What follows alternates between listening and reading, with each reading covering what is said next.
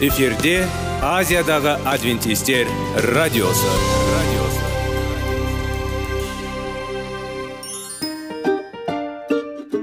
сәлем достар. Денсаулық өмір бұлағы және біздің бірінші байлығымыз демекші денсаулық сағаты рубрикасына қош келдіңіздер.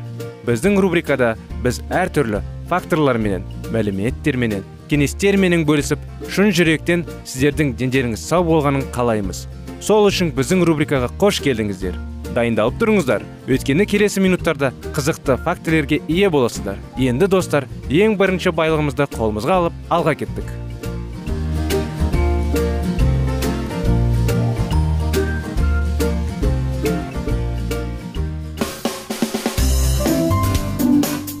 Денсаулық туралы хабар. Денсаулықтың ашылуы. Күн сайын сөз үшін күшті кеңестер соңғы жаңалықтар қызықты факторлар. Біздің рубрикада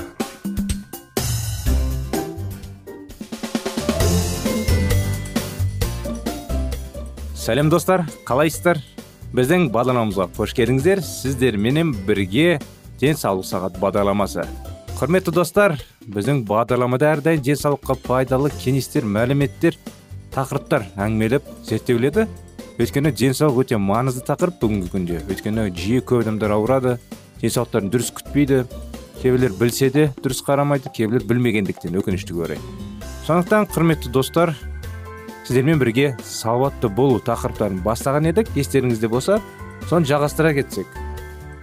Денсаулықтың фундамент деп санауға болады. Бірақ қарапайым жоқ. Мүмкін денсаулық мәселесі бізге күрделі болып көрінеді. Біз қиын жауаптар жоқ жерде іздейміз. Атақты құпия жауап есіңізде болсын. Ларчик жай ғана ашылады дейді. Меніңше бұл біздің жағдай.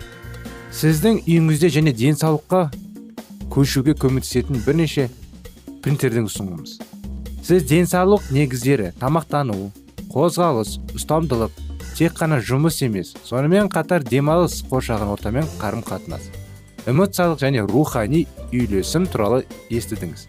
Ал осы жинақтың барлығын өз өмірін салдың қалай жасауға болады?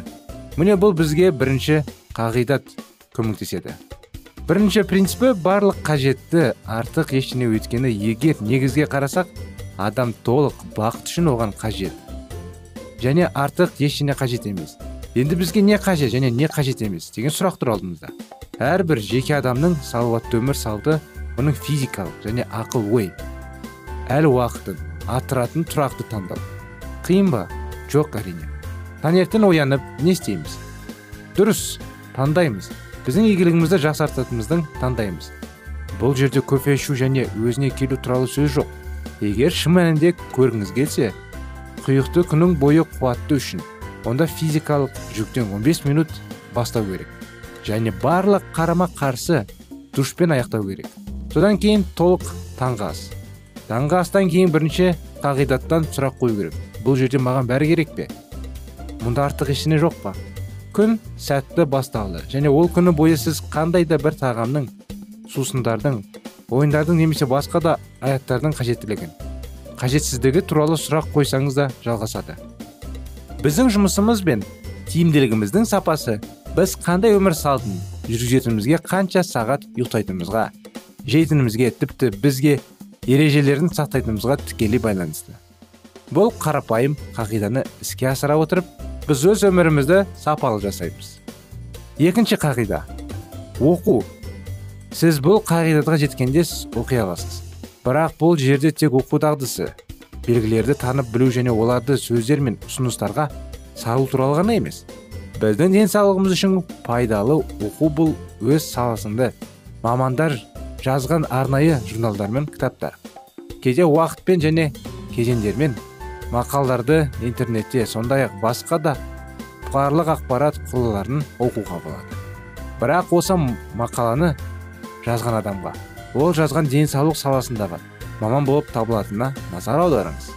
Алайда денсаулық саласындағы ең жақсы мамандар жазған әдебиеттерді қарапайым оқу көп пайда әкелмейді.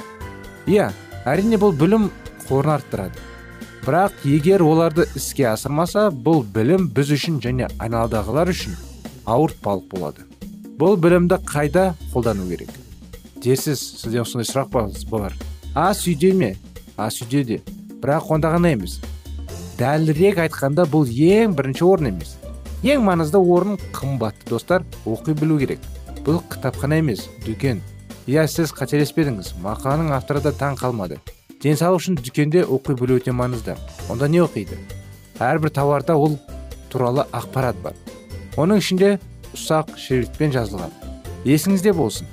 Барлық ең маңызды әрдайым ұсақ шрифтпен жазылса қандай да бір шартқа қол қойғандар күлімдеп құптады. Сондықтан сіз бірдене сатып алған кезде құрамын оқып жарамдылық мерзімін тексеріңіз. Тағы да қайталаймын құрамын оқып жарамдылық мерзімін тексеріңіз. Бұл сіздің барлық отбасыңызға ұзақ жылдар бойы денсаулықты сақтауға көмектесетін маңызды ақпарат. Содан кейін сіз теңгерімді рационды толқынды қамтамасыз ететін барлық өнімдерді сатып алған кезде ас үйге барамыз. Мында біз азық түлікті қалай дұрыс сақтау және дайындау туралы білімді қолдануымыз керек. Егер бұл қадамдарға жүріп жатса денсаулық үйде. Енді ол жерде қалу үшін бәрін жасау керек. Бұл бізге келесі оқиғада келесі қағидада көмектеседі. Үшінші принцип гендерден гөрі мысал және әдеттер маңызды. Бұл осы гендер туралы қанша естідік және олар жауапта менің ата анам артық салмақты зардап шеккен болса не істей аламын? Ал егер мен үкі болса таңертең қалай оянамын? Және тағы да көп егер біздің санамызда пайда болды. Және олардың барлық өмір сүруге құқылы бірақ өмір бойы сөйлейді. Егер бізде отбасылық тұқым қуалашылық болса біз тек қана ата аналық гендерді ғана емес әдет ғұрыптарды да алып жүреміз. Және көп жағдайда біздің өміріміздің қандай болатынын дәл осы әдеттер шешеді. Сіз жауаптағы бәрі үшін гендер нұсқаны бізде жауапкершілікті алып тастайтын туралы ойланбаңыз ба? Тұқым қуалаушылыққа қарамастан инвалидтерге айналмаған адамдардың көбігі көптігі бар бірақ жүз пайыз денсаулық жинағы алым оны өз әдеттеріне сүйене отырып ысырып өткендер де бар. Біз өмір сүргенше кез келген денсаулық жағдайын қарапайым қағидаттарды ұстана отырып жақсаруға болады. Және өз балаларыңа жауапкершілік туралы есте сақтаңыз. Сіз оларға қанша тыйым салдыңыз және сөз етпесеңіз олар сіздің тыйым салуыңызға қарамастан кімнен үлгі алу керек? Балалардың өмір салтына өзгерістер енгізбеңіз өзіңнен бастаңыз. Біздің келбетіміздің достарын есіңізде ме? Денсаулық жоқ байлықта. Достар да қуаныш емес. Сіздің өміріңізде осы қарапайым қағидаттарды қолдануға тырысыңыз. Сіздің үйіңізде сау қоныстануға мүмкіндік беріңіз. Және сондай көп нәрсе сізге тек феноменальды ғана емес қарапайым көрінеді. Мінекей достар осымен бағдарламамыз аяғына келді. Келесі жолға дейін сау сәлемет болыңыздар.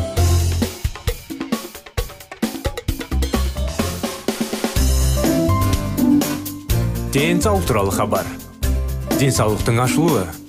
Күн сайын сөз үшін күшті кеңестер соңғы жаңалықтар қызықты факторлар біздің рубрикада.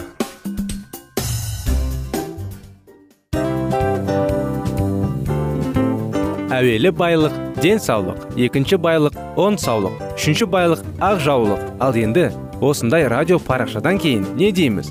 Барлықтарыңызға денсаулықтарыңыз зор болсын деп тілейміз.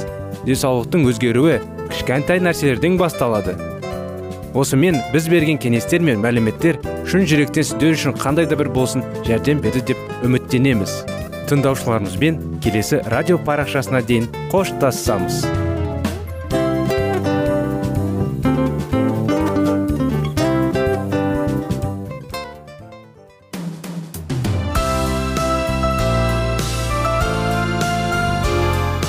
эфирде азиядағы адвентистер радиосы.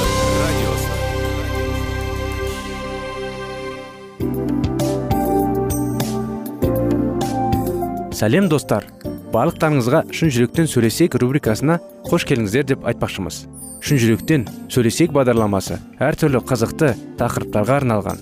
Шындығында шын жүректен сөйлесек деген сөздің мағынасы екі достың екі адамның ортасындағы шын жүрекпен сөйлесуі бір біріне сенуі ашықтық пен шындықты білдіреді.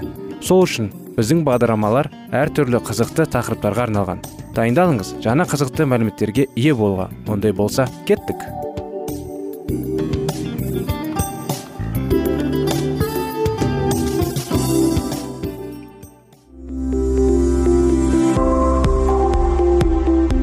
Алтын сөздер. Сырласу қарым қатынас жайлы кеңестер мен қызықты тақырыптар. Шын жүректен сөйлесейік рубрикасында.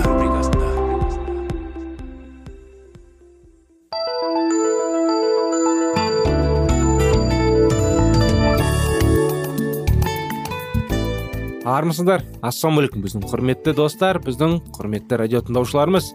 Біздің шын жүректен сөйлесейік бағдарламамызға. Қош келдіңіздер. Сіздерлер назарларыңызға сіздермен бірге қарым қатынас бір бірін түсіну махаббат сүю бақытты жанұя баланы дұрыс тәрбиелеу деген тақырыптарды қозғап әңгімелеп диалогтар жүргізіп кеңестер аламыз құрметті достар. Өте маңызды тақырыптар. Сондықтан сіздер назарларыңызға жалғастыра кетсек баланың жүрегіне бес қадам тақырыбы. Балалармен жылы сенімді тынымсыз сөйлесулер олармен қарым қатынас көптеген ересектер тұратын ақылсыз әлемге қарсы тұрады. Мүмкін уақыт өткізу үшін балалармен сіз өзгерту артықшылықтарын кем дегенде бір минутқа тоқтатыңыз. Асықпаңыз. Сіз үшін маңызды деп ойлаңыз. Сіз кезек күттірмейтін істер шын мәнінде. Сіз үшін көп нәрсе емес екенін түсінесіз. Бірақ сіз балаларға жұмсаған уақыт жоқ. Жоспарлаңыз. Бала кішкентай және мектепке бармайынша оның өмірі үй айналасында шоғырланған.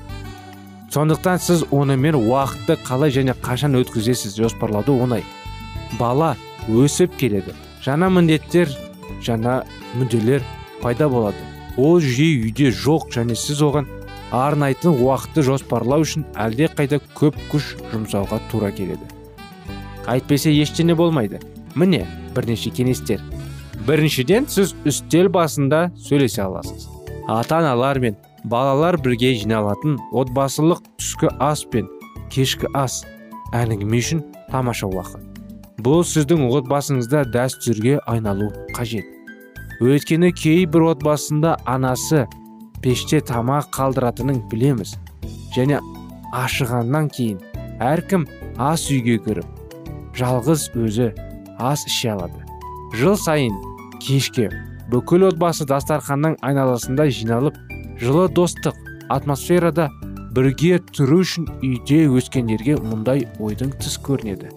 Сіз ата аналар сіз үйде тәртіп орнатсаңыз сіз отбасы кеңестің қалай және қашан өзгеруді шешесіз. Мүмкін сіз сонда түскі асты немесе кешкі ас бүкіл отбасымен отырып ішерсіз. Содан кейін сіз бірге таңға саласыз. Немесе айына бір рет баламен дәмханаға барамыз. Екіншіден серуендер мен жорықтар. Берни ұлы джеффпен үш айда бір рет түнеуімен екі күндік жорыққа барады. Әдетте олар қаладан алыс емес және шатырды бұзады. Құрып сөрде майовка дегенде жасайды. Бернидің екі күні ұлына тиесілі. Эллисон және оның 12 жасар қызы бриджит аптасына екі рет кешке барады. Мұндай күндері эллисон күйеуі мен ұлы ыдыс жууда және сөйлесе алады. Бұл тек кеңестер жоспарлау импровизация дейді ғой бас тарту емес. Жоспарларды қатан ұстамаңыз. Қажет болса оларды әрқашан өзгертуге болады. Бірақ егер сіз жоспар жасай алмасаңыз сіз отбасыңызға уақыт жоқ екенін анықтаңыз. Егер жұмыс бойынша біреумен кездесу керек болса сіз оны апта сайын жазасыз. Неге балалармен кездесу туралы жазба жасамаңыз? Олар сіздің назарыңызды бағалай алады. Олар олармен өткізген уақыт сіз үшін көп нәрсе маңызды екенін түсінеді. Сонымен қатар сіз өз өміріңізді жоспарлаған кезде біз балаларға ұйымшылдықтың үлгісі бере аласыз. Алайда балалармен уақытты жоспарлай отырып сіз апта сайын күн мен сағат сіз осы кездесуге дайындалу керексіз. Сіздің күшіңіз қажет. Сондықтан ауыр күннен кейін жұмыс туралы ойларды бастан тастаңыз және отбасын көңіл бөліңіз. Ол үшін кейбіреулер сүйікті музыканы үйге барар жолда тыңдайды. Басқалар үйге жетпей бірнеше минутқа тоқтайды және дұға етеді. Сізге сергектік береді және күш қалпына келтіруге көмектеседі. Егер жолда үй тұрғындарымен кездесуге дайындалмаса үйге келіп балалармен сөйлеспес бұрын демалыңыз. Мүмкін сіз жайлы үй киіміне киюге шай ішуге таза ауамен аздап демалуға және күш сізге оралады. Егер уақыт махаббат білдіру тәсілі егер сіз оған жеткілікті уақыт пен көңіл бөлмесеңіз сіздің балаңызмен мәніңді оны ұнатпаңыз деп шешсе бұл әңгіменің ой оны үнемі шығарады. Алан өрт сөндіруші. Ол осындай кесте екі тәулік бойы өрт сөндіру бөлімінде. Ол кезде ол тіпті қонатында. Үшінші тәулікте демалыс алады кейде демалыс күндері олар достарымен тапсырыс тауып жұмыс істеу үшін жөндеу жасайды. Оның әйелі хелен медбике ол жүйе түнгі ауысым күндіз ұйықтайды. Олардың екеуі де түнде жұмыс істеген кезде олардың балалары джонатан және оның кіші әпкесі дебра әжесімен қалады. Джонатан 8 жаста болғанда алан мен хелен аландатты бала алыс одан да көп болды. Хелен құрбысымен бөлісті. Онда енді сөздер созылмайды. Оны бір нәрсе туралы сұрағанда ол бір ғана жауаптармен бөлінеді. Ал бұрын ауыз жабылмаған ол мектепке бармаған кезде мен жұмыс істемеген кезімде есімде біз күн сайын саябақта жүрдік. Ол менің айналамдағы көңілді секірді және шексіз. Енді онымен не болды? Ақыл емес. Бар күшімді саламын. Алан джонатанның өзгергенін байқамайды. Ол ұлымен аз болады. Ал мен көремін бірде жоқ. Роза хелен құрбысы. Бес тілді махаббаттың кітабын оқып мазмұнында ол балалар туралы тарауды көргеніне еске түсірді. Роза бұл кітапты оқуға кеңес берді. Мүмкін ол өз сұрақтарына жауап табады. Екі аптадан кейін хелен розаны айтты. Мен кітапты оқыдым және джонатанмен не болғанын түсіндім. Ол қандай тілде сөйлейді? Мен оған мені қалай серуендеуге ұнататынын ол кезде көңіл болғанын есіме түсірдім. Мінекей құрметті достар осы оқиғамен бағдарламамызды аяғына келіп тоқтатайық. Өйткені бағдарламаның уақыты болып қалды. Әрине бұл оқиғаны келесі жолы жалғастырып береміз. Келесі жолға дейін сау болыңыздар.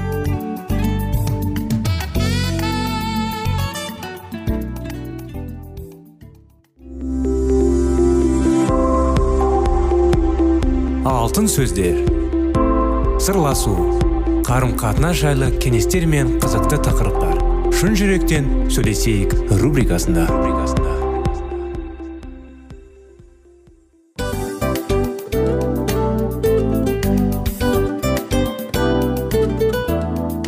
Құрметті достар барлық ең соңғы кеңестер аяқталған соң біздің программамыз соңына келіп қалды. Осы біздің мәліметтер осы рубрикада айтылған әрбір сөздер сіздерге өзінің қандай да бір пайдасын алып келді деп шын жүректен сенеміз. Және бұдан да көптеген рубрикаларымыз бар. Басқа рубрикаларымызда біздің зерттеулерімізде сіздер үшін тағы да қызықты мәліметтер дайын. Біздің шын жүректен сөйлесейік парақшамызда көптеген әдістер ең соңғы кеңестер адамның нравственность жақтан моральдық жақтан тазалап байыта тұрған соңғы кеңестердің барлығын жанарады. сондықтан алдыңғы күндерде бізбен бірге болыңыздар. Өйткені барлық қызықтар алдыда. Бізбенен бірге болғандарыңызға үлкен рахмет. Келесі кездескенімізше сау сәлемет болыңыздар.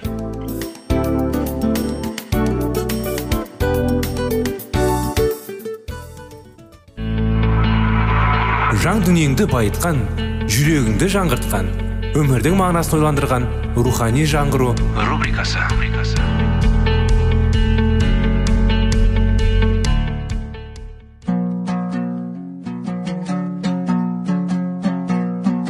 Ассалаумағалейкум біздің тыңдаушыларымыз. Келі кітаптың шындығын ашып берген қысқа бағдарламасына қош келдіңіздер. Барлығынан жоғары жаратушы біздің қарыңғылықта жалғыз қалдырып қойған емес. Өйткені ол келешекте не болу керек екенін киелі кітаптың парақтарында ашып береді. Немесе келіңіздер бізге қосылыңыздар.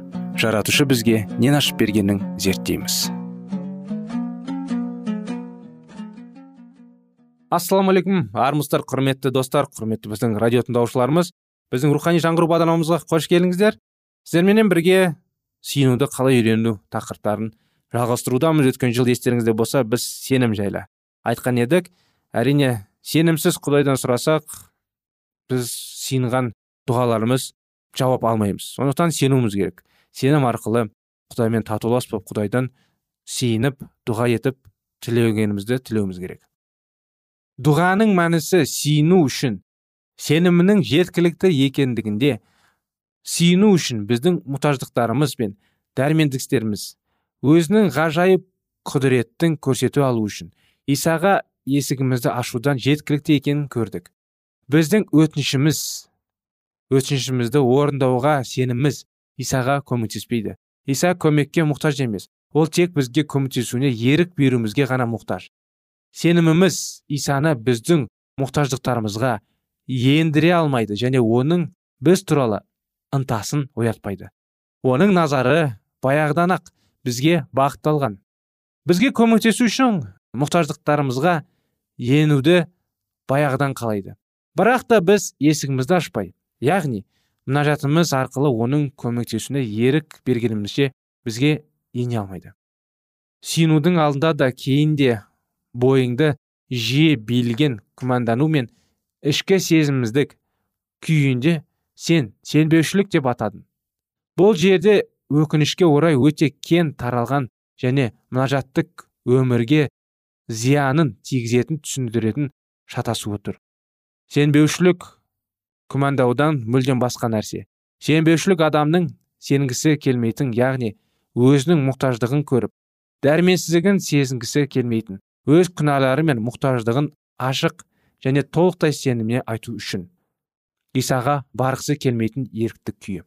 Күмәндану болса бұл азап шегу бұл мезгіл сенімді мендеп алатын әлсіздік. Біз оны сенімінің дерті ретінде бейнелей аламыз. Кез келген өзге дерт секілді бұл дерттің де ауыр не жеңіп өтуі қысқа уақытқа немесе ұзаққа созылуы мүмкін. Егер сіз оны басымызға түскен азап жан ауру ретінде қабылдайтын болсақ онда ол өзінің бізді үйретіретін және абдыратын тастайтын күшетін айырылады. Басымызға түскен барша азаптар біздің игілімізге қызмет етуі тиіс. Сенімнің азабы да солай. Осылайша бұл дәл біз ойлағандай қауіпті емес. Бұл біздің сеніміміз үшін де мінажатынымыз үшін де қауіпті емес. Бұл біздің дәрменсіз етеді және жоғарыда көргеніміздей дәл осы дәрменсіздік мінажаттың қозғаушы күші. Біздің мінажаттық өмірімізге өзге ештеңе дәл осы дәрменсіздігіміздің уайымынан артық көмектесе алмайды. Сырттай қарағанда бұл соңғы ойлар жоғарында келтірілген жазбаның тұстарына қайшы келеді. Бұл орындар күмәндаушының өз мұнажатына жауап күте алмайтынын ашық айтады. Бірақ та бұл сөздерді мәтіннен бөліп жаруға болмайды. Бізге оларды жазбаның осыған ұқсас ойларды айтатын өзге тұстарымен салыстыру қажет. Осындай қысқа хабарламаның бірін біз марқа жазған ізгі хабардан таба аламыз. Иса үш шәкіртімен өзгеру тауында болған кезде қалған шәкірттерге бір адам өзінің жын соққан баласын алып келеді. Бірақ та олар оның бойындағы жынды қуып шығара алмады. Иса қайтып оралған кезде әлгі адам ұлын дереу оған алып барды. Исаға ол ұлын қанша уақыттан бері ауыратынын және оның қатты азап шегіп қиналатынын айтып берді. Сөзінің ақырында ол исадан қолыңыздан келсе бізді мүсіркеп жәрдем ете көріңіз деп өтінді. Иса оған қолыңыздан келсе деген не сөз? Сенушіге бәрі де мүмкін деп жауап қайырды. Исаның сөздерінің байыптылығын түсінген әке мен сенемін. Сенімімін жетіспегенде оны нығайта көріңіз деп дауыстап жіберді. Бұл жерде біз күмәнді сенімнің әдеттегі мысалын көріп тұрмыз. Күмән әдеттегіде екі бағытта дамиды. Оның бір бөлігі құдайға ал екінші бөлігі біздің сенімімізге қатысты болады. Әлгі адам өз не сенісіне соны айтып тұр. Қолыңыздан келсе бізді мүсіркеп жәрдем ете көріңіз. Демек ол исаның көмектесе алатынына толықтай сенімді емес. Бірақ иса сенушіге бәрі де мүмкін деп жауап берді. Сол кезде адам исаның сөздерінің шынайылығы және сонымен бірге өз сенімінің әлсіздігін сезінді. Бұл ол үшін бәрінің тәуекеге тігіліп тұрған сәтте еді. Сонда оның өз жүрегінде сенім мен күмәннің арасында күрес жүріп жатқанын мойындаудан өзге амалы қалмайды. Мен сенемін. Сенімім жетіспегенде оны нығайта көріңіз. Оның өз сенбеушілігі жайында айтып тұрғаны түсінікті. Ол өзінің күмәндауының сенбеушілік ретінде қарастырады. Шынайы сенуші әдетте өзін осылайша қатал айыптайды. Бірақ та бұл күмәнданғыш. Тайғақ әлсіз сенімге иса басқаша қарайды. Исаның көзқарасында бұл сенімнің тап өзі. Бұл оның баланы сауықтырғаннан ақ көрінеді. Егер әкенің күмәндануы сенбеушілік болғанда иса баланы сауықтыра алмас еді. Бұл марқа жазған ізгі хабардың алтыншы тарауында бес пен алтыншы аяттарында бұдан да айқын көрінеді. Басқа кереметтер жасай алмады. Әрі жұрттың сенбеушілігіне таң қалды. Сенімнің қандай әлсіз күмәнданғыш болуы мүмкін екенін көрдің бе? Сондай ақ мұнажат кезінде сенімнің өзіне сенбеушілік ретінде үкім шығарғанына назар аудар. Бірақ бұл жерде сенім бар еді. Ол исаға ең керемет сауықтуының бірін жасаушы жасауы үшін жеткілікті етеді. Шәкірттер жын соққан балаға ештеңе істей алмаған болатын. Осындай сеніммен әлсіз күмәндағыш адамның өтініші естіліп оның көмек алғаны қалай түсіндіруге болады? Ол дұрыс жолды тапты. Ол исаға келді. Ол исаның алдында өзінің азаптарын жайып салды. Сондай ақ ол исаға өзінің сенімдегі мұқтаждығын және жүректің күмәнға толы екенін айтып берді. Мінәжат пен сенімнің мәнін түсінгенімізде түсінгенімізден кейін біздің мінәжаттық өміріміздің ойлантырышы еш күмәнсіз. Бірінші кезекте біз мінәжатымыздың естілуі мінәжаттан бұрынғы оның үстіндегі және одан кейінгі сезімдерімізге немесе ойларымызға қатысты еместің айқын болады. Мінекей құрметті достар осындай кеңестер осындай тақырып біздің бағдарламамыз аяғына келді. Сіздерді келесі бағдарламада күтеміз. Сау болыңыздар.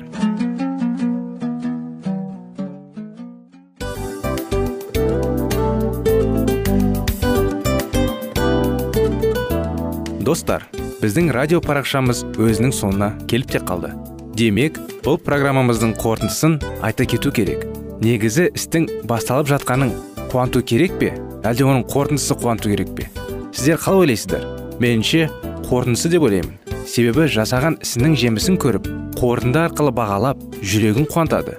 Баяғыда айтқандай бидайды сепкенде емес бидайдың жемісін жинаған кейін ыстық нанды жегенде кәдімгідей рахаттанасың ғой. Осымен біздің бағдарламамыздың аяғында тыңдаушыларымыз қандай пайда алды екен деген ойдамыз. Егерде өткен сфераларда пайдалы кеңес алған болсаңыз біз өзіміздің мақсатымызға жеткеніміз. Бүгінгі 24 сағаттың алтындай жарты сағатын бізге бөліп ардағаныңыз үшін рахмет. Келесі кездескенімізше қош сау болыңыздар. Достар біздің бағдарлама бойынша сұрақтарыңыз болса әрине сіздерге керекті анықтама керек болса біздің whatsapp нөмірімізге хабарлассаңыздар болады. Плюс бір үш жүз бір жеті жүз алпыс алпыс жетпіс. Иә достар сіздер қателеспедіңіздер. Бұл біздің номерлерге ұқсас болмаса да бұл whatsapp номер арнайы. Хабарласыңыздар сұрақтарыңызды қойып тұрыңыздар. Анықтаманы алып тұрыңыздар. Плюс бір үш жүз бір жеті жүз алпыс алпыс жетпіс whatsapp номері.